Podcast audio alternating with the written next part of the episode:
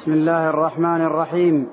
الحمد لله رب العالمين والصلاة والسلام على عبد الله ورسوله نبينا محمد وعلى آله وصحبه أجمعين. أما بعد فيقول الإمام الحافظ أبو عيسى الترمذي رحمه الله تعالى في كتابه شمائل النبي صلى الله عليه وسلم قال باب ما جاء في مشية رسول الله صلى الله عليه وسلم قال حدثنا قتيبة بن سعيد قال حدثنا ابن لهيعة عن أبي يونس عن أبي هريرة رضي الله عنه قال ما رأيت شيئا أحسن من رسول الله صلى الله عليه وسلم كأن الشمس تجري في وجهه وما رأيت أحدا أسرع, أسرع في مشيته من رسول الله صلى الله عليه وسلم كأنما الأرض تطوى له وإن إنا لنجهد أنفسنا وإنه لغير مكتئث الحمد لله رب العالمين وأشهد أن لا إله إلا الله وحده لا شريك له وأشهد أن محمدا عبده ورسوله صلى الله وسلم عليه وعلى آله وأصحابه أجمعين. أما بعد قال المصنف الإمام الترمذي رحمه الله تعالى في كتابه شمائل النبي صلى الله عليه وسلم قال رحمه الله تعالى باب ما جاء في مشية رسول الله صلى الله عليه وسلم. هذه الترجمة عقدها المصنف رحمه الله تعالى لبيان ما يتعلق بمشية رسول الله والمشية اسم للهيئة أي هيئة المشي. وصفته.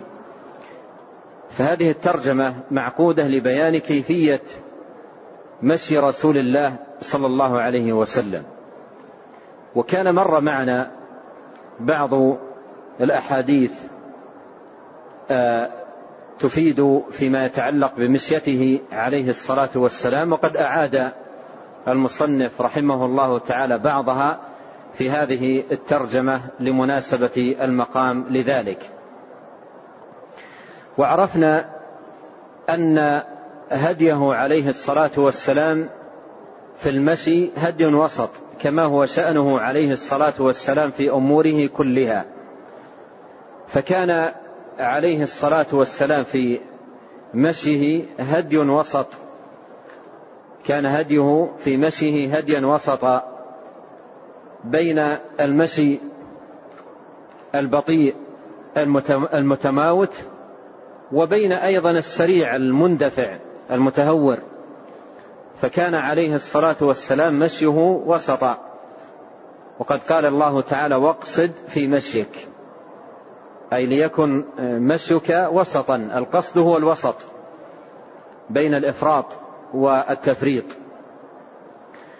وأورد رحمه الله تعالى في أول هذه الترجمة حديث أبي هريرة رضي الله عنه أنه قال ما رأيت شيئا أحسن من رسول الله صلى الله عليه وسلم. ما رأيت شيئا لم يقل انسانا وإنما قال شيئا ليعم في ذلك كل ما رآه من إنسان أو قمر أو غير ذلك من الأشياء الحسنة البهية الجميلة. قال ما رأيت شيئا أحسن من رسول الله صلى الله عليه وسلم كأن الشمس تجري في وجهه. كأن الشمس تجري في وجهه. أي من إشراقة وجهه عليه الصلاة والسلام وتلألؤه وضيائه وبهائه ونوره وحسنه كأن الشمس تتلألأ في وجهه صلوات الله وسلامه عليه. قال ما رأيت شيئا أحسن من رسول الله صلى الله عليه وسلم كأن الشمس تجري في وجهه. وهذا إخبار منه رضي الله عنه بكمال وتمام تلألؤ وجه الرسول عليه الصلاة والسلام وضيائه وحسنه وبهائه. صلوات الله وسلامه عليه. وليس معنى هذا أن أنه عليه الصلاة والسلام يضيء ما حوله إضاءة حسية بمعنى أنه لو كان في مكان مظلم يصبح المكان مضيئا.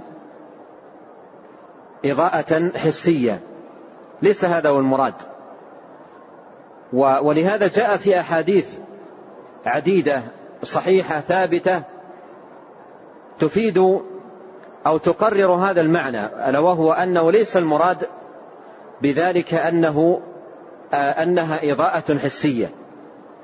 وأشرت فيما سبق إلى حديث عائشة وهو في الصحيح عندما قالت فقدت رسول الله صلى الله عليه وسلم فطلبته في المسجد أخذت تبحث عنه في الليل في المسجد فدخلت المسجد وهو مظلم في الليل فتقول أخذت أتلمس حتى وقعت يدي على ظهر قدم قدمي رسول الله صلى الله عليه وسلم وهو ساجد.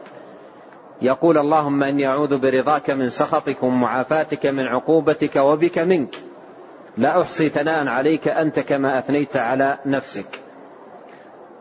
ولو كان المراد بما جاء في هذه الأحاديث أنه يضيء إضاءة حسية بمعنى أنه لو وجد في مكان مظلم يشتعل ضياء ويضيء نورا.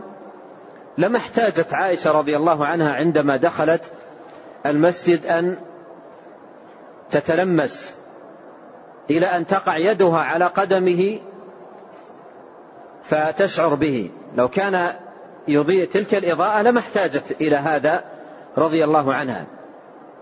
ولما فقد عقد عائشة رضي الله عنها وهم في, في, في الليل انتظروا إلى الصباح.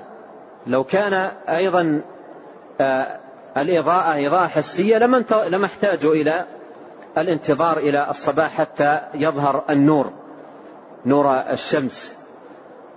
ف ولهذا ما ينسب إلى ابن عباس رضي الله عنهما أنه قال لا ظل له هذا باطل لا يصح نسبته إلى ابن عباس رضي الله عنهما أنه لا ظل له. نور لا ظل له. هذا لا يصح. والأحاديث الصحيحة الثابتة في الصحيحين وغيرهما تدل على عدم صحة ذلك. قال كأن الشمس تجري في وجهه وما رأيت أحدا أسرع في مشيته من رسول الله صلى الله عليه وسلم. وهذا موضع الشاهد من الحديث للترجمة لأن فيه بيان لمشية رسول الله عليه الصلاة والسلام. قال وما رأيت أحدا أسرع في مشيته من رسول الله صلى الله عليه وسلم. يعني مشيه عليه الصلاة والسلام مشي حديث مشيه عليه الصلاة والسلام مشي حديث. يقول أبو هريرة ما رأيت أسرع أحدا أسرع في مشيته من رسول الله صلى الله عليه وسلم كأن كأنما الأرض تطوى له. كأن كأنما الأرض تطوى له. يعني كأن الأرض التي تحته تطوى تقرب ويدنى بعضها من بعض. قال كأنما الأرض تطوى له. إنا لنجهد أنفسنا. إنا لنجهد أنفسنا أي في سيرنا معه. وإنه لغير مكترث. وإنه لغير مكترث. يعني يمشي هذا المشي لا عن تكلف وإنما هذا هو مشيه عليه الصلاة والسلام بدون تكلف مشيا مشيه المعتاد فهو غير مكترث يعني لم يجهد نفسه لم يسرع سرعة يجهد فيها نفسه وإنما هذا مشيه عليه الصلاة والسلام مشيه حثيث وكأنما الأرض تطوى له عليه الصلاة والسلام والصحابة إذا مشوا معه آه، يقول أبو هريرة وإنا لنجهد أنفسنا. نجهد أنفسنا في, في سيرنا ومشينا معه بينما هو عليه الصلاة والسلام هذا مشيه المعتاد. وهذا فيه إشارة إلى قوته عليه الصلاة والسلام إلى قوة آه، بدنه وجسمه. صلوات الله والسلام عليه. ولهذا سيأتي معنا الحديث حديث علي قال كان إذا مشى تقلع. كان إذا مشى تقلع يعني من قوته آه، عليه الصلاة والسلام وقوة بنيته صلى الله عليه وسلم فقد آتاه الله عز وجل جسما قويا. آه قال كأنما الأرض تطوى له إنا لنجهد أنفسنا وإنه لغير مكترث وإنه لغير مكترث. أي أنه لم يجهد نفسه ولم يتكلف هذا السير وإنما هذا هو مشيه عليه الصلاة والسلام المعتاد دون أن يجهد بذلك نفسه. وهذا الحديث في إسناده ابن لهيعة عبد الله بن لهيعة صدوق آه، اختلط. لكن آه، لكن الحديث آه، رواه ابن حبان في صحيحه من طريق أخرى ليس فيها ابن لهيعة رواه عن عبد الله بن محمد قال حدثنا حرملة ابن يحيى قال حدثنا ابن وهب قال أخبرنا عمرو بن الحارث أن أبا يونس مولى أبي هريرة حدثه عن أبي هريرة وذكر الحديث أن أبا يونس مولى أبي هريرة حدثه عن أبي هريرة فذكر الحديث. نعم. قال حدثنا علي بن حجر وغير واحد قالوا حدثنا عيسى بن يونس عن عمر بن عبد الله مولى غفرة قال أخبرني إبراهيم بن محمد من ولد علي بن أبي طالب قال كان علي رضي الله عنه إذا وصف النبي النبي صلى الله عليه وسلم قال كان إذا مشى تقلع كانما ينحط في صبب. ثم أورد رحمه الله تعالى حديث علي بن أبي طالب رضي الله عنه وقد تقدم معنا هذا الحديث برقم سبعة عند المصنف رحمه الله تعالى. ومضى الكلام على الحديث هناك والشاهد من الحديث للترجمة قوله إذا مشى تقلع. إذا مشى أي النبي عليه الصلاة والسلام تقلع بمعنى أنه لما ينهض قدمه من الأرض ليمشي لا ينهضها نهض, نهض المتماوت المتباطئ المتكاسل وإنما ينهضها بقوة ويمشي بقوة إشارة إلى كمال قوة بدنه عليه الصلاة والسلام. قال كان إذا مشى تقلع كأنما ينحط في صبب. يعني كأنما ينزل من مكان مرتفع كأنما ينزل من مكان مرتفع. وهذا كما أوضحت فيه بيان قوة النبي عليه الصلاة والسلام في سيره وفي مشيته. صلوات الله وسلامه عليه. نعم. قال حدثنا سفيان بن وكيع. قال حدثنا أبي عن المسعودي عن عثمان بن مسلم بن هرمز عن نافع بن جبير بن مطعم عن علي بن أبي طالب رضي الله عنه قال كان النبي صلى الله عليه وسلم إذا مشى تكفأ تكفؤا كأنما ينحط من صبب. ثم أورد أيضا هذا الحديث وقد تقدم عند المصنف رحمه الله تعالى برقم ستة ومضى الكلام عليه هناك والشاهد قوله إذا مشى تكفأ تكفؤا. إذا مشى تكفأ تكفؤا كأنما ينحط من صبب. كأنما ينحط من صبب. فيه بيان صفة مشيته عليه الصلاة والسلام.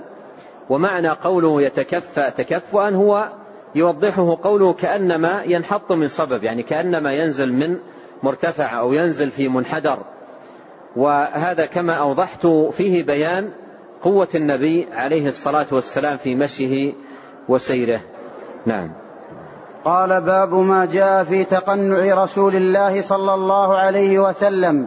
قال حدثنا يوسف بن عيسى حدث قال حدثنا وكيع قال حدثنا الربيع بن صبيح عن يزيد بن أبان عن أنس بن مالك رضي الله عنه قال كان رسول الله صلى الله عليه وسلم يكثر القناع كأن ثوبه ثوب زيات ثم عقد المصنف الإمام الترمذي رحمه الله تعالى هذه الترجمة قال باب ما جاء في تقنع رسول الله صلى الله عليه وسلم. آه، التقنع هو وضع القناع. التقنع هو وضع القناع على الرأس بمعنى تغطية الرأس. تغطية الرأس بقطعة من القماش أو نحوه وغالبا يحتاج إليها عندما يدهن الشعر بزيت أو نحو ذلك لتقي الملابس. وليكون لتكون هذه القطعة أو القناع حاميا للملابس من الزيت الذي أو الدهن الذي يوضع على شعر الرأس. قال باب ما جاء في تقنع رسول الله صلى الله عليه وسلم وأورد في هذه الترجمة رحمه الله تعالى حديثا واحدا سبق أن أورده وسبق أيضا الكلام عليه من حيث الإسناد ومن حيث المعنى وهو حديث أنس بن مالك. قال كان رسول الله صلى الله عليه وسلم يكثر القناع كأن ثوبه ثوب زيات. كان يكثر القناع كأن ثوبه ثوب زيات. يكثر القناع يعني يكثر أن يضع على رأسه عليه الصلاة والسلام القناع. والقناع قطعة من القماش توضع على الرأس وغالبا توضع على الرأس للحاجة. عندما يوضع على الرأس دهن أو يوضع عليه زيت أو نحو ذلك فإنه توضع يوضع عليه القناع, القناع من باب الحفظ. قال كان رسول الله صلى الله عليه وسلم يكثر القناع كأن ثوبه ثوب زيات وثوب الزيات يظهر عليه بقع من من الزيت يظهر عليه بقع من من الزيت تكون في أجزاء ومواضع من ثيابه. والنبي عليه الصلاة والسلام وسبق أن أوضحت هذا كان ينهى من يراه في في في في ثياب فيها فيها شيء من الوسخ. وأوردت الحديث أنه رأى رجلا وفي ثيابه شيء من الوسخ. قال أما يجد هذا ماء ينظف به ثوبه؟ أو كما قال عليه الصلاة والسلام. والحديث إن صح وهو لم يصح كما سبق أن بين ذلك. الحديث إن صح يحمل أن الزيت لا يكون على ثيابه التي يخرج بها عليه الصلاة والسلام ويلقى بها الناس وإنما ربما يكون في في القطعة نفسها القماش التي تكون على الرأس أو إذا كان في ثوب يستعمل مثلا للبيت خاصة ولا يخرج به مثلا للمسجد أو لحاجته وعموما الحديث غير ثابت. الحديث غير ثابت فيه فيه علتان. الأولى الربيع بن صبيح صدوق سيء الحفظ والثانية يزيد بن أبان ضعيف فالحديث سنده ضعيف غير ثابت. وجاء في صحيح البخاري ما يناسب لهذه الترجمة باب ما جاء في تقنع رسول الله صلى الله عليه وسلم. جاء في صحيح البخاري من حديث أم المؤمنين عائشة رضي الله عنها وهو في سياق وفيه قال قائل لأبي بكر هذا رسول الله صلى الله عليه وسلم مقبلا متقنعا في ساعة لم يكن يأتينا فيها. والشاهد منه قوله متقنعا. فهذا حديث ثابت في صحيح الإمام البخاري رحمه الله تعالى ويصلح دليلا لهذه الترجمة. باب ما جاء في تقنع رسول الله صلى الله عليه وسلم. أما الحديث الذي ساقه المصنف رحمه الله تعالى في هذه الترجمة فهو حديث ضعيف. نعم. قال رحمه الله باب ما جاء في جلسة رسول الله صلى الله عليه وسلم. قال حدثنا عبد بن حميد. قال حدثنا عفان بن مسلم. قال حدثنا عبد الله بن حسان عن جدتيه عن قيلة بنت مخرمة رضي الله عنها أنها رأت رسول الله صلى الله عليه وسلم في المسجد وهو قاعد القرفصاء. قالت فلما رأيت رسول الله صلى الله عليه وسلم المتخشع في الجلسة أرعدت من الفرق ثم قال رحمه الله تعالى باب ما جاء في جلسة رسول الله صلى الله عليه وسلم. جلسة أيضا اسم هيئة. فهذه الترجمة معقودة لبيان هيئة آه، جلوس النبي عليه الصلاة والسلام. كيف كان يجلس؟ وحفظ في السنة صفات لجلوسه عليه الصلاة والسلام. حفظ في السنة صفات لجلوسه فهي ليست صفة واحدة وإنما حفظ صفات لجلوسه عليه الصلاة والسلام. أورد المصنف رحمه الله تعالى بعضها في هذه الترجمة. بدأ أولا بحديث قيلة بنت آه، مخرمة رضي الله عنها أنها رأت رسول الله صلى الله عليه وسلم في المسجد وهو قائد القرفصاء. قالت فلما رأيت رسول الله صلى الله عليه وسلم المتخشع في الجلسة أرعدت من الفرق أرعدت من الفرق والحديث سبق أن مر معنا برقم 66 آه، عند المصنف وأشرت هناك وأيضا آه، أشار المصنف رحمه الله أن الحديث له قصة قصة طويلة.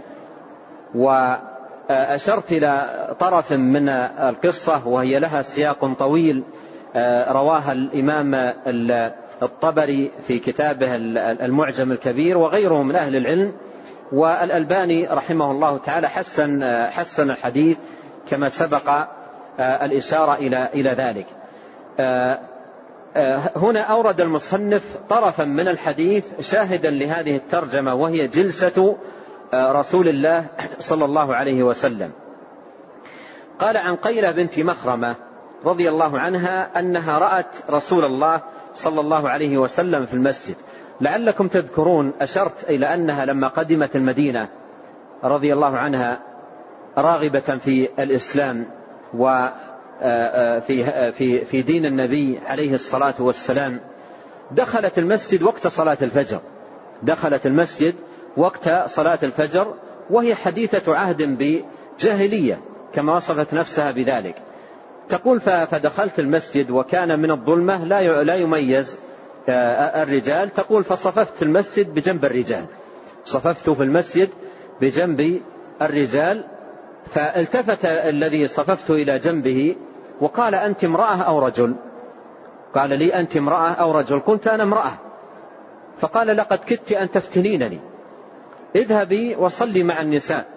وأشار إلى موضع النساء تقول فوجدت صفا آه، اجتمع فيه بعض النساء لم لم أكن رأيته فذهبت وصليت معهن وبقيت في المسجد. وبقيت في المسجد. وكل ما مر رجل عليه رداء يعني جميل وهيئة حسنة أشرفت بنظري إليه تظنه رسول الله صلى الله عليه وسلم. كل ما رأت رجل على هيئة جيدة في الرداء في اللباس تنظر وهي تريد أن ترى الرسول عليه الصلاة والسلام.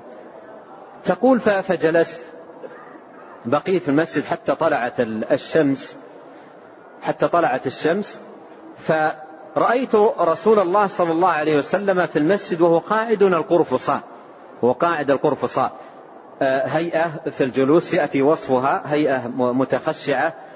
تقول فجاء رجل جاء, آه، جاء رجل ومر أيضا اللباس الذي كان عليه. قالت كان عليه أسمال. تذكرون الحديث؟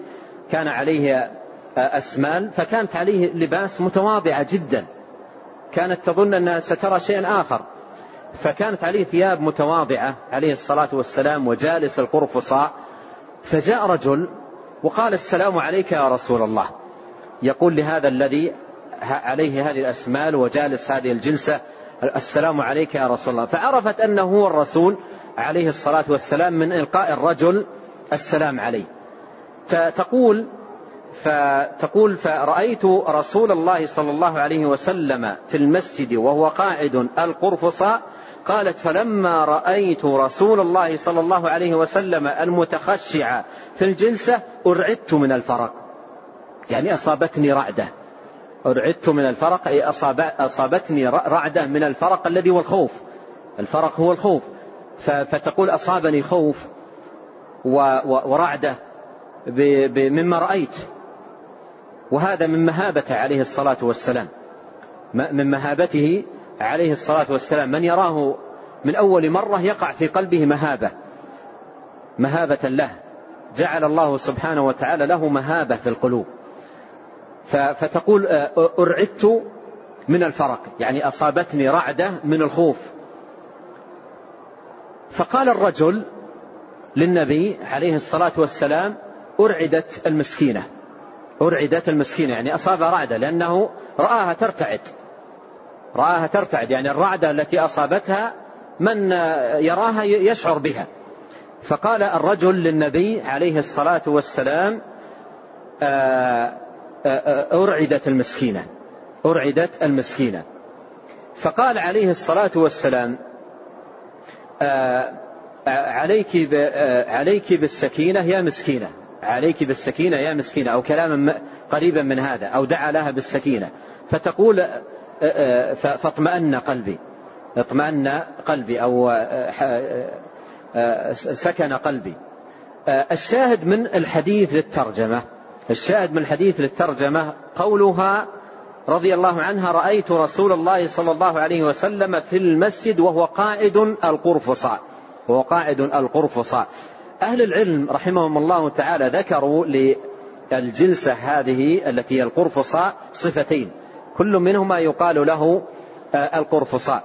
الصفة الأولى أن يجلس الرجل أن يجلس الرجل على اليته على مقعدته ويضم آه، فخذه إلى بطنه ويشده بيديه يشده بيديه بمعنى أنه يكون جالسا آه، على مقعدته ويأتي بيديه آه، يضمها إلى ساقه ويشد يشد يشد ساقيه إلى إلى بطنه يلصقهما ببطنه يلصقهما ببطنه. ويأتي أيضا ذكر هذه الصفة في الاحتباء لأن هذا أيضا يقال له الاحتباء والاحتباء يكون باليد ويكون أيضا بقطعة من القماش يديرها على على على بدنه وهو جالس هذه الجلسة. هذه يقال لها القرفصاء والسبب أن الجسم يتقرفص يعني يتجمع يتجمع الجسم يتجمع وينضم بعضه إلى بعض. يعني أطراف البدن كلها تدنى ويقرب بعضها من بعض.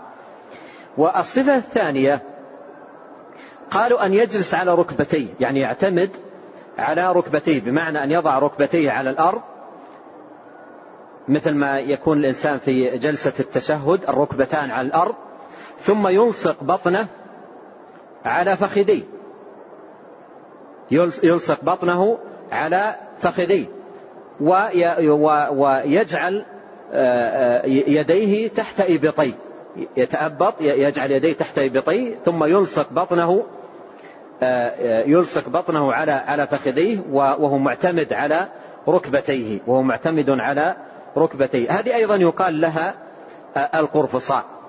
فهي لما رأته في هذه الثياب المتواضعة وهذه الجلسة المتخشعة ألقي في قلبها المهابة.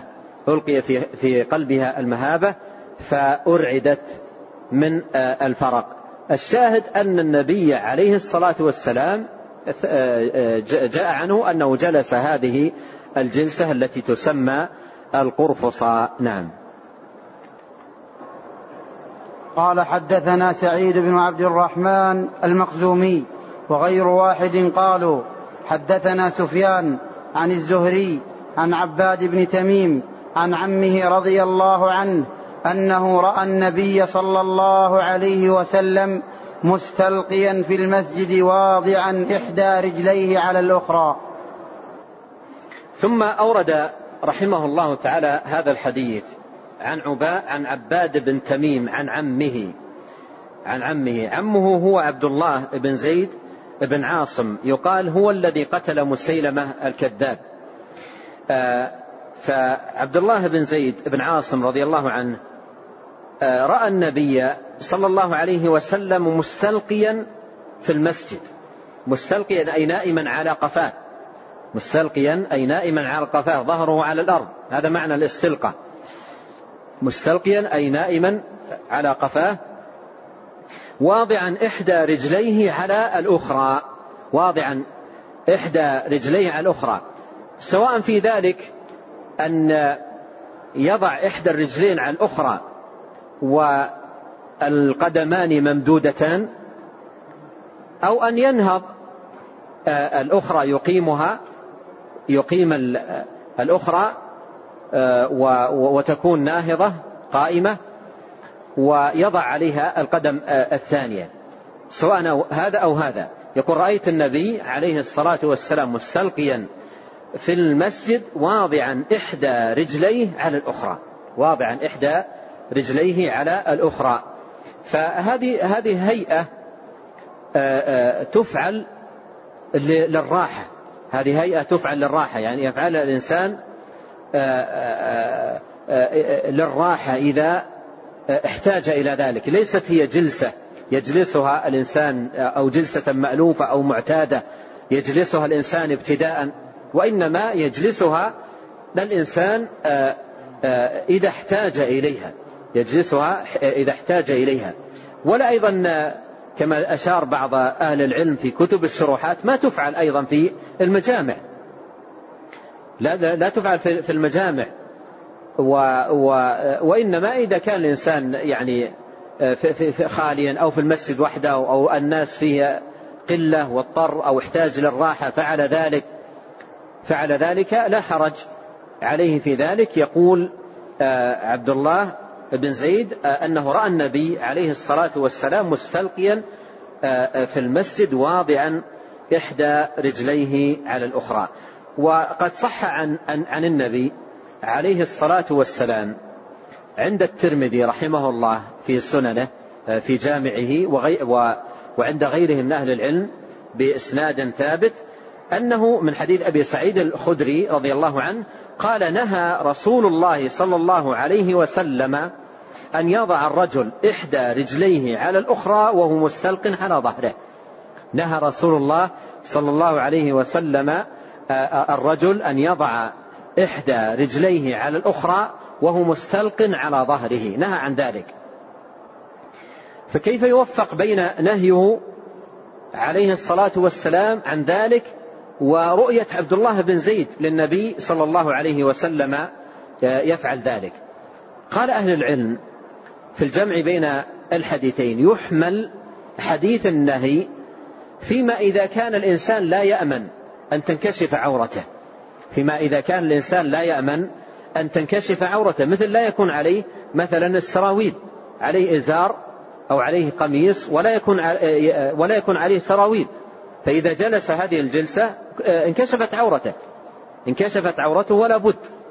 فنهى النبي عليه الصلاة والسلام عن ذلك وجاء عنه النهي عن بعض الجلسات التي قد تفضي بالإنسان إلى انكشاف عورته.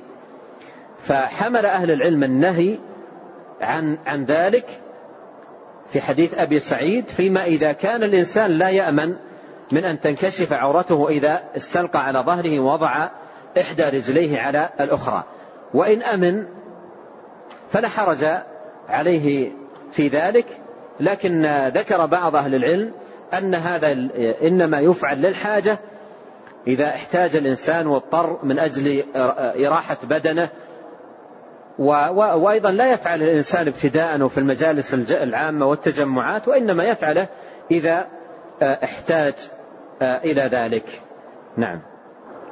قال حدثنا سلمة بن شبيب. قال حدثنا عبد الله بن إبراهيم المدني. حد قال حدثنا إسحاق بن محمد الأنصاري عن ربيح بن عبد الرحمن بن أبي سعيد عن أبيه عن جده أبي سعيد الخدري رضي الله عنه قال كان رسول الله صلى الله عليه وسلم إذا جلس في المسجد احتبى بيديه. ثم أورد رحمه الله تعالى في ختام هذه الترجمة حديث أبي سعيد الخدري رضي الله عنه قال كان رسول الله صلى الله عليه وسلم إذا جلس في المسجد احتبى بيديه. احتبى من الحبوة. وهي ضم البدن بعضه إلى بعض والإنسان جالس على مقعدته يضم جسمه بعضه إلى بعض يضم الساقين إلى البطن يضم الفخذين إلى البطن ويضم الساقين إلى الفخذين كلها يضمها إلى بعض ويقربها من بعض يقرب فخذيه من بطنه ويقرب ساقيه من فخذيه ويجمعهما بيديه ويجمعهما بيديه. فيجعل يقبض بيديه من وراء من أمام ساقيه ويضم جسمه بعض إلى بعض. فهذه يقال له الاحتباء يقال له الاحتباء. وهو يكون باليدين الاحتباء يكون باليدين أو يكون بدل اليدين قطعة من القماش. قطعة من القماش يديرها من وراء الظهر وتأتي آه، من من من الأمام فتكون جامعة ل آه، جامعة آه، للجسم وهي جلسة تريح البدن جلسة تريح البدن شيئا ما. وتغني الإنسان عن الاتكاء الاتكاء على جدار أو نحوه. الظهر أحيانا يحتاج الإنسان إلى أن يريح باتكاء. على ظهر أو نحوه فإذا جلس هذه الجلسة تغنيه عن الاتكاء. ولهذا كانوا يقولون الاحتباء حيطان العرب. يقول الاحتباء حيطان العرب يعني الجدران التي يتكئ. لأن الأعرابي لما يمشي في, في, في الصحراء لما يمشي في الصحراء ومعه الأغنام وليس عنده جدار يتكي عليه ويريد أن يرتاح يجلس هذه الجلسة. يجلس هذه الجلسة يشد جسمه بهذه الطريقة سواء بقماش أو بيديه فتكون جسم آه، فتكون جلسة آه، مريحة لبدنه. مريحة لبدنه. فهي تعطي الجسم شيء من الراحة تعطي الجسم شيء من الاسترخاء. ولعل ولعله لأجل هذا جاء عن النبي عليه الصلاة والسلام النهي عن الحبوة والإمام يخطب يوم الجمعة. جاء عنه النهي عن عن الحبوة والإمام يخطب آه، آه، آه، والإمام يخطب. وقالوا في تعليل ذلك لأنها لأنها يسترخي الإنسان ربما ينام فيفوته الاستفادة. يفوته يفوته الاستفادة من من من الخطبة. والحبوة والإمام يخطب اختلف أهل العلم في حكمها. هل هي مباحة أو مكروهة؟ وحديث النهي يفيد المنع منها وجاء عن غير واحد من أصحاب النبي عليه الصلاة والسلام أنهم كانوا يحتبون والإمام آه، يخطب. كانوا يحتبون والإمام يخطب. وبعض أهل العلم وفق آه، آه، أن النهي يحمل فيما إذا كان يفعل ذلك وقت الخطبة. يشغل نفسه والإمام يخطب بالاحتباء. فينشغل عن الخطبة بذلك. أو أن يكون الحبوة يعني آه، آه، تفضي به إلى استرخاء أو نوم أو نحو ذلك. ويحمل فعل الصحابة فيما فيه آه، عدم الوقوع في مثل ذلك. وقد صح عن غير واحد من الصحابة الاحتباء والإمام يخطب. قال قال أبو سعيد الخدري رضي الله عنه كان رسول الله صلى الله عليه وسلم إذا جلس في المسجد احتبى بيديه. احتبى بيديه. ليس معنى هذا أن هذه جلسة في المسجد ليس له جلسة غيرها لأن في أحاديث أخرى أيضا تفيد أنواع من الجلسات التي كان يجلسها عليه الصلاة والسلام. ومن ذلكم ما جاء من حديث من حديث جابر ابن سمرة وهو في سنن أبي داود بإسناد ثابت قال كان رسول الله صلى الله عليه وسلم إذا صلى الفجر تربع كان إذا صلى الفجر تربع في مجلسه حتى تطلع الشمس حسناء حتى تطلع الشمس حسناء فهذه جلسة أخرى كان يجلسها عليه الصلاة والسلام في آه، في المسجد. الحديث الذي اختتم به المصنف هذه الترجمة إسناده ضعيف لعدة علل في الحديث. الأولى عبد الله بن إبراهيم المدني متروك وإسحاق بن محمد الأنصاري مجهول وربيح بن عبد الرحمن بن أبي سعيد مقبول. لكن الشيخ الألباني رحمه الله تعالى في سلسلته الصحيحة توسع وأطال في الكلام على هذا الحديث برقم 827 وبين أن هناك آه، شواهد كثيرة جدا تؤيده. أن هناك شواهد كثيرة جدا تؤيده ساقها رحمه الله تعالى في آه، سلسلته الصحيحة. نعم. قال رحمه الله تعالى باب ما جاء في تكاءة رسول الله صلى الله عليه وسلم.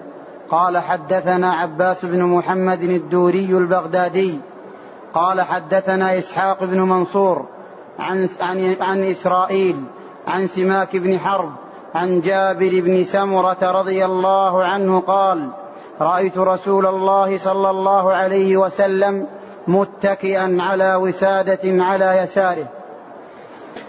ثم قال رحمه الله تعالى باب ما جاء في تكاءة رسول الله صلى الله عليه وسلم. التكاءة هي ما يتكى عليه من وسادة أو مخدة أو نحو ذلك. قال باب ما جاء في تكاءة رسول الله صلى الله عليه وسلم. والمراد هنا بهذه الترجمة آه، اتكاء النبي عليه الصلاة والسلام حال الجلوس عندما يكون جالسا فيتكئ. بأن يميل قليلا إلى جنبه اليمين أو أو جنبه اليسار فيتكئ على آه، مخدة أو على وسادة أو نحو ذلك. قال باب ما جاء في تكاءة رسول الله صلى الله عليه وسلم وأورد أولا حديث جابر ابن سمرة رضي الله عنه قال رأيت رسول الله صلى الله عليه وسلم متكئا على وسادة على يساره رأيت رسول الله صلى الله عليه وسلم متكئا على وسادة على يساره. وسيعيد المصنف رحمه الله تعالى آه، الحديث في تمام آه، هذه الترجمة. والشاهد منه متكئا على وسادة. متكئا على وسادة على يسار أي جنبه الأيسر على جنبه الأيسر. ففيه أنه عليه الصلاة والسلام كان يجلس متكئا. يتكئ على شيء إما على يمينه أو على يساره فهي جلسة كان يفعلها عليه الصلاة والسلام. وهذه يحتاج الإنسان إليها لأنها تريح ال تريح ال تريح جسم الإنسان تريح بدنه. فيحتاج أن يتكئ أحيانا إما على اليمين أو على اليسار وهذه جلسة لا حرج فيها. وقد جلسها رسول الله صلى الله عليه وسلم وقد جاء غير ما حديث يدل على ذلك. نعم. قال رحمه الله حدثنا حميد بن مسعدة قال حدثنا بشر بن المفضل قال حدثنا الجريري عن عبد الرحمن بن أبي بكره عن أبيه رضي الله عنه قال قال رسول الله صلى الله عليه وسلم ألا أخبركم بأكبر الكبائر؟ قالوا بلى يا رسول الله. قال الإشراك بالله وعقوق الوالدين قال وجلس رسول الله صلى الله عليه وسلم وكان متكئا قال وشهادة الزور أو قول الزور. فقال فما زال رسول الله صلى الله عليه وسلم يقولها حتى قلنا ليته سكت. ثم أورد رحمه الله تعالى حديث أبي بكره رضي الله عنه وأرضاه نفيع بن الحارث. قال قال رسول الله صلى الله عليه وسلم ألا أخبركم بأكبر الكبائر؟ ألا أخبركم بأكبر الكبائر؟ وهذا أسلوب عظيم في التعليم والتوجيه وجذب القلوب وشد الانتباه وإفادة الناس ونفعهم. وكثيرا ما يفعل هذا عليه الصلاة والسلام في تعليمه. كثيرا ما يأتي في أحاديثه لأن هذه الطريقة تشد السامع. قال ألا أخبركم بأكبر الكبائر؟ قالوا بلى يا رسول الله. والإخبار بأكبر الكبائر من أجل أن يحذر الإنسان منها. من أجل أن يحذر الإنسان منها ومن أجل أن يتقيها ويحاذر من الوقوع فيها. وكما أن المسلم مطلوب منه أن يعرف الخير ليفعله. فإنه كذلك في الوقت نفسه مطلوب منه أن يعرف الشر ليجتنبه. ولهذا من لا يعرف الشر كيف يتقيه؟ كما قال بعض السلف كيف يتقي من لا يدري ما يتقي؟ ولهذا مطلوب من المسلم كما أنه مطلوب من المسلم أن يعرف الصلاة وأحكامها والزكاة وأحكامه والصيام وأحكامه مطلوب منه أن يعرف الكبائر من أجل أن يتقيها. ولما تهاون كثير من المسلمين بمعرفة الكبائر وخطورتها وعقوباتها وحدودها ونحو ذلك وقعوا بسبب التفريط والجهل في كثير من الكبائر. والعلماء رحمهم الله تعالى أفردوا مصنفات خاصة في الكبائر. من أنفسها كتاب الكبائر للإمام الذهبي رحمه الله. أنصح به كثيرا. أنصح به كثيرا. وينبغي على الآباء في البيوت أن يمر على هذا الكتاب مع أهله وولده ولو مرة واحدة حتى يعرفوا الكبائر ويكونوا منها على حذر. ويقف على عقوباتها على ما أعده الله سبحانه وتعالى لفاعليها من الوعيد من العقوبات لكي ينزجر الإنسان ويرتدع. وعندما تريد نفسه أن تقدم على شيء من هذه الكبائر يتذكر العقوبات ويتذكر الوعيد فيمتنع من ذلك. وهذا المعنى مستفاد من هذا الحديث. ألا أخبركم بأكبر الكبائر؟ أي من أجل أن تحذروها وتتقوها؟ قالوا بلى وهم الحريصون على كل خير الحريصون أيضا على البعد عن كل شر. قالوا بلى يا رسول الله. قال الإشراك بالله وهذا أكبر الكبائر وأعظمها وأظلم الظلم وأفدحه وأخطره. قد قال الله سبحانه وتعالى إن الشرك لظلم عظيم. فالشرك هو أكبر الكبائر وأعظم الموبقات وأظلم الظلم وأشد العدوان وتسوية غير الله بالله في شيء من حقوق الله أو خصائصه سبحانه وتعالى. فمن أعطى غير الله شيئا من خصائص الله في ربوبيته أو خصائصه سبحانه وتعالى في أسمائه وصفاته أو أعطى غير الله شيئا من حقوق الله على عباده من الدعاء أو الذبح أو الندر أو غير ذلك من العبادات فإنه يكون بذلك مشركا مرتكبا أكبر الكبائر على الإطلاق وأعظم الذنوب. وبعض الناس بسبب قلة علمه قد يرى كبيرة من الكبائر يستنكرها ويرى الشرك ولا يستنكره. ويرى الشرك ولا يستنكره مع أن الشرك أكبر الكبائر. مع أن الشرك أكبر الكبائر. ولهذا يذكرون عن أحد العلماء أراد أن يمتحن فهم الناس للتوحيد. أراد أن يمتحن فهم الناس للتوحيد ومعرفتهم به. فقال لهم إن آه، رجلا دخل بيتا وتسور البيت وانتهك عرض المرأة التي في البيت وفعل ذكر كبائر فاستعظم الناس ذلك واستهجنوا الأمر واستنكروه وظهر عليهم هذا. جاء من الغد قال إن رجلا بنى بيتا بنى بيتا جديدا وأراد من أجل أن يسلم له بيته ولا يصاب بالعين ولا يصاب بالحسد ولا فجاء بديك وذبحه على عتبة الباب من أجل أن يحميه ويقيه من العين لكي لا يصاب فما فما رأى عليهم الشدة في الإنكار والاستنكار لهذا الأمر مثل ما كان منهم بالأمس. فأخذ يبين لهم أخذ يبين لهم خطورة الشرك بالله وخطورة التعلق بغير الله وخطورة الذبح لغير الله تبارك وتعالى. لأن بعض الناس يذبح على عتبة بابه ذبيحة لا تكون لله ولهذا يقول لا تسمي يقول بعضهم لا تسمي وإنما تكون هي والعياذ بالله للشياطين وبزعمهم تقي البيت من العين و وهذا من الشرك بالله عز وجل وهو أخطر من الزنا. أخطر من الزنا وأخطر من من الذنوب لأن الشرك بالله هو أكبر الكبائر. قال ألا أنبئكم بأكبر الكبائر؟ قلنا بلى. يا رسول الله. قال الإشراك بالله وعقوق الوالدين. وعقوق الوالدين. عقوق الوالدين العق هو القطع. العق هو القطع. وعقوق الوالدين هذه كلمة تجمع كل إساءة للوالدين يقوم بها الإنسان. تعد عقوقا. كل إساءة تكون للوالدين تعد عقوق. وذكر ذكر النبي عليه الصلاة والسلام عقوق الوالدين عقب كبيرة الشرك. عقب كبيرة الشرك. فهذا يدل على عظم حق الوالدين. على عظم حق الوالدين. ولهذا قرن الله سبحانه وتعالى في غير موضع من القرآن حقهما بحقه سبحانه. وقضى ربك ألا تعبدوا إلا إياه وبالوالدين إحسانا. اعبدوا الله ولا تشركوا به شيئا وبالوالدين إحسانا. قل تعالوا أتلوا ما حرم ربكم عليكم ألا تشركوا به شيئا وبالوالدين إحسانا. أن اشكر لي ولوالديك.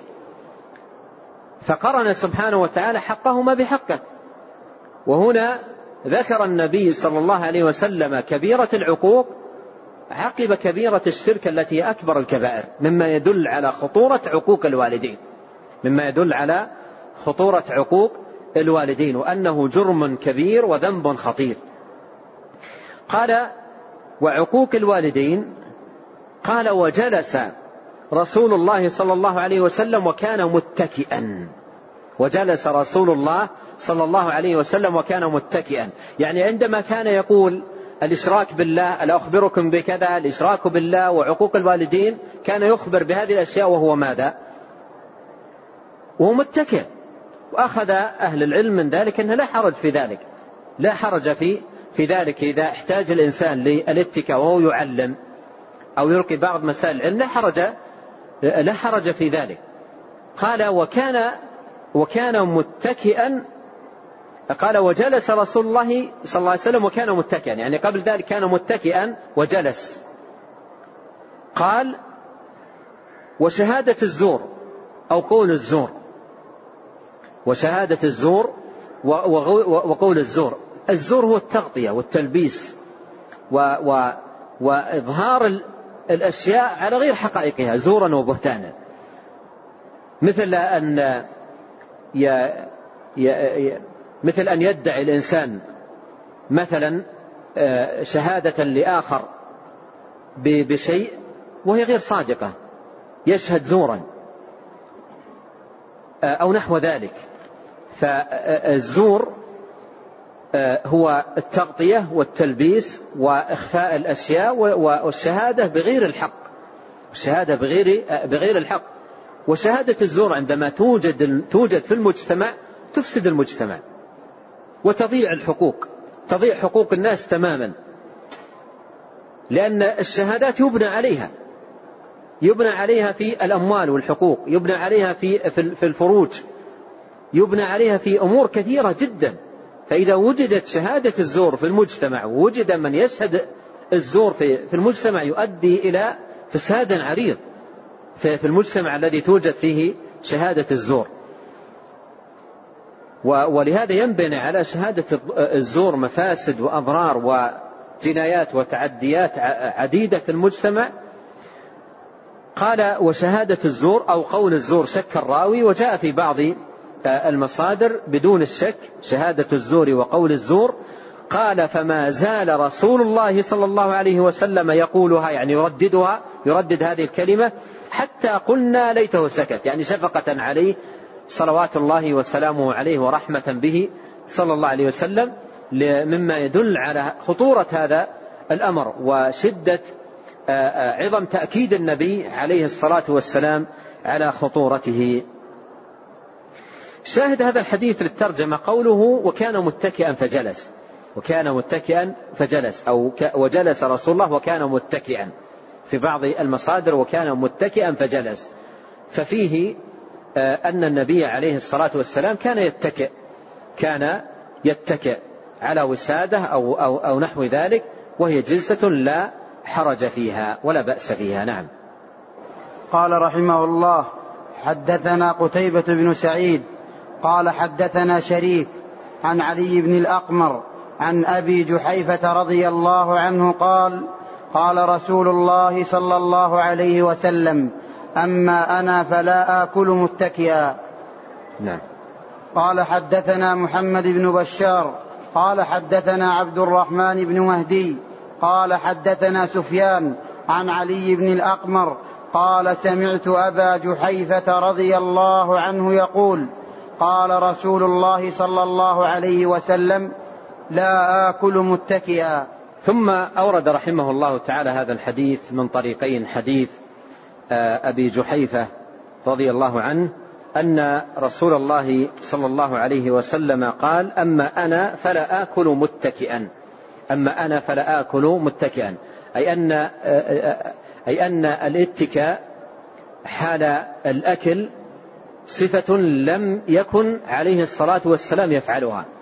لم يكن صلوات الله وسلامه عليه يفعلها.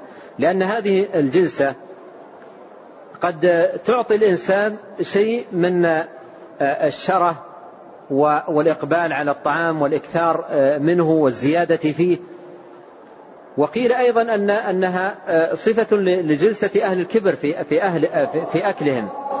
قال حدثنا يوسف بن عيسى قال حدثنا وكيع قال حدثنا إسرائيل عن سماك بن حرب, بن حرب عن جابر بن سمرة رضي الله عنه قال رأيت النبي صلى الله عليه وسلم متكئا على وساده. قال أبو عيسى لم يذكر وكيع على يساره. وهكذا روى غير واحد عن إسرائيل نحو رواية وكيع ولا نعلم أحدا ذكر فيه على يساره إلا ما روى إسحاق بن منصور عن إسرائيل. ثم ختم رحمه الله تعالى هذه الترجمة بإعادة حديث جابر بن سمرة من طريق أخرى من طريق وكيع عن إسرائيل وليس فيه ذكر على يساره. ليس فيه ذكر على يساره بينما الذي تقدم معنا في أول الترجمة من طريق إسحاق بن منصور عن إسرائيل قال رأيت رسول الله صلى الله عليه وسلم متكئا على وسادة على يساره. فزيادة على يساره يشير المصنف رحمه الله تعالى أنها إنما جاءت من طريق إسحاق بن منصور لكن وكيع رواه عن إسرائيل بدون هذه الزيادة بدون زيادة على يساره. قال أبو عيسى الإمام الترمذي لم يذكر وكيع على يساره لم يذكر وكيع على يساره. وهكذا روى غير واحد عن إسرائيل نحو رواية وكيع وهكذا روى غير واحد عن إسرائيل نحو رواية وكيع يعني بدون ذكر آه، اليسار. قال ولا نعلم أحدا ذكر فيه على يساره إلا ما روى إسحاق بن منصور عن إسرائيل. يعني أن هذه الزيادة على يساره تفرد بها إسحاق بن منصور. وأما الرواة الآخرون الذين رووا هذا الحديث آه، عن إسرائيل لم يذكروا هذه الزيادة. لم يذكروا هذه الزيادة. لكن الواقع أن إسحاق بن منصور توبع. إسحاق بن منصور توبع بهذه الزيادة كما جاء في مصنف عبد الرزاق كما جاء في مسند عبد الرزاق في كما جاء في مسند الإمام أحمد رحمه الله أن عبد الرزاق عن عبد الرزاق الذي هو الإمام الصنعاني روى الحديث عن إسرائيل عن سماك بن حرب بهذه الزيادة بزيادة على يساره. أن عبد الرزاق الذي هو الإمام الصنعاني روى الحديث عن عن إسرائيل عن سماك بن حرب عن جابر بهذه الزيادة بزيادة على على يساره. وأيضا جاء فيه ذكر قصة جاء فيه ذكر قصة وهي قصة رجم ماعز. قصة رجم ماعز لأن النبي صلى الله عليه وسلم كان يأتي ثم يتحدث معه ثم إلى أن قال خذوه وارجموه. وكان عليه الصلاة والسلام متكئا على يساره. كان متكئا على يساره. والحديث في مسند الإمام أحمد بالمجلد الخامس آه، صفحة 86 و 87 نعم. نعم. قال رحمه الله باب اتكاء رسول الله صلى الله عليه وسلم. قال حدثنا عبد الله بن عبد الرحمن قال حدثنا عمرو بن عاصم قال حدثنا حماد بن سلمة عن حميد عن أنس رضي الله عنه أن النبي صلى الله عليه وسلم كان شاكيا فخرج يتوكأ على أسامة بن زيد رضي الله عنه وعليه ثوب ثوب قطري قد توشح به فصلى بهم. ثم عقد رحمه الله تعالى هذه الترجمة باب اتكاء رسول الله صلى الله عليه وسلم.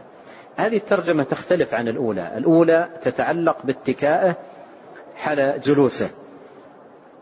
اتكاء حال جلوسه.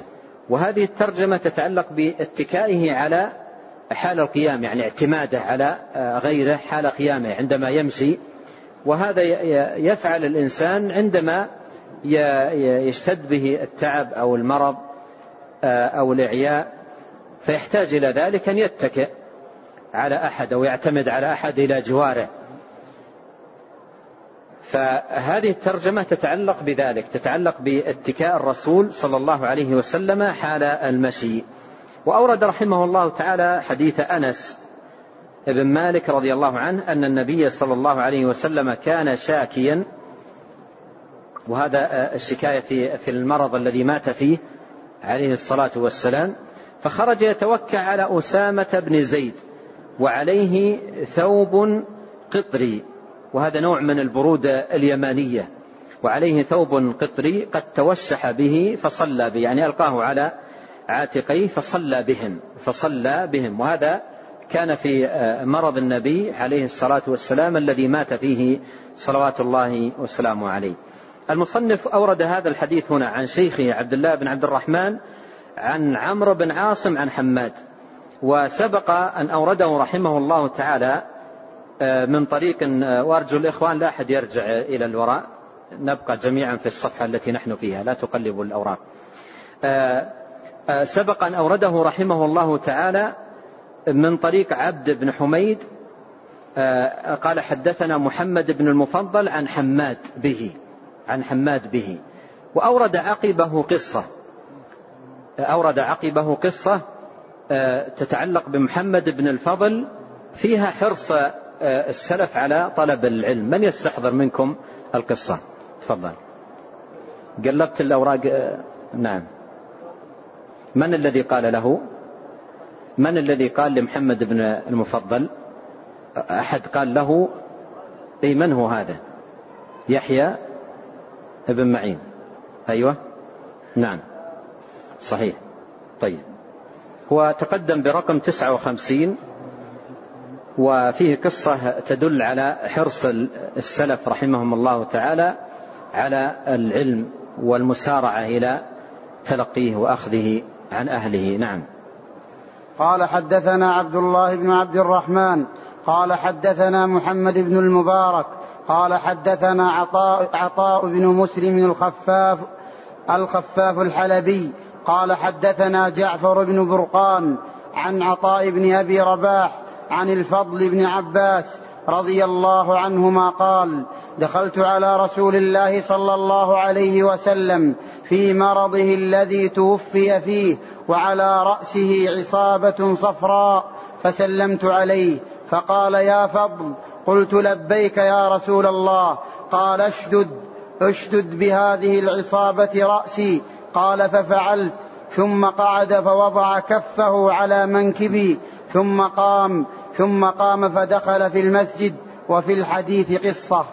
ثم ختم رحمه الله الترجمة بهذا الحديث حديث الفضل ابن عباس رضي الله عنهما قال دخلت على رسول الله صلى الله عليه وسلم في مرضه الذي توفي فيه وعلى رأسه عصابة صفراء فسلمت عليه فقال يا فضل قلت لبيك يا رسول الله قال اشدد بهذه العصابة رأسي اشدد بهذه العصابة رأسي وهذا الشد آه، آه، للرأس بالعصابة يحتاجه الإنسان إذا آه، اشتد به التعب.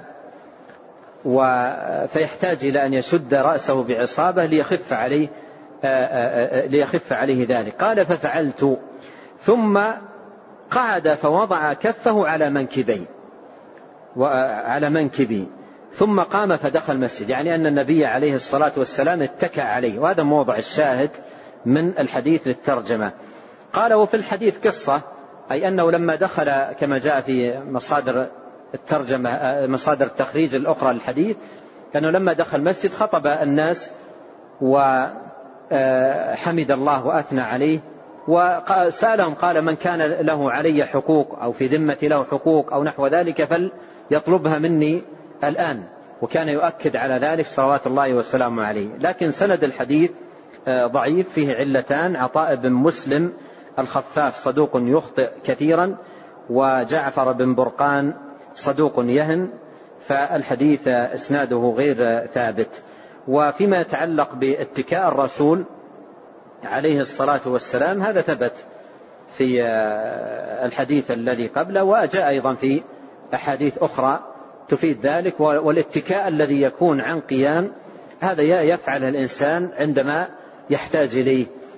يحتاج إليه يحتاج إلى أن يتكئ على أخيه أو على رفيقه أو كذا عندما يكون معه إعياء أو تعب وهذا أمر فعله نبينا عليه الصلاة والسلام. والله تعالى أعلم وصلى الله وسلم وبارك وأنعم على عبده ورسوله نبينا محمد وعلى آله وصحبه أجمعين.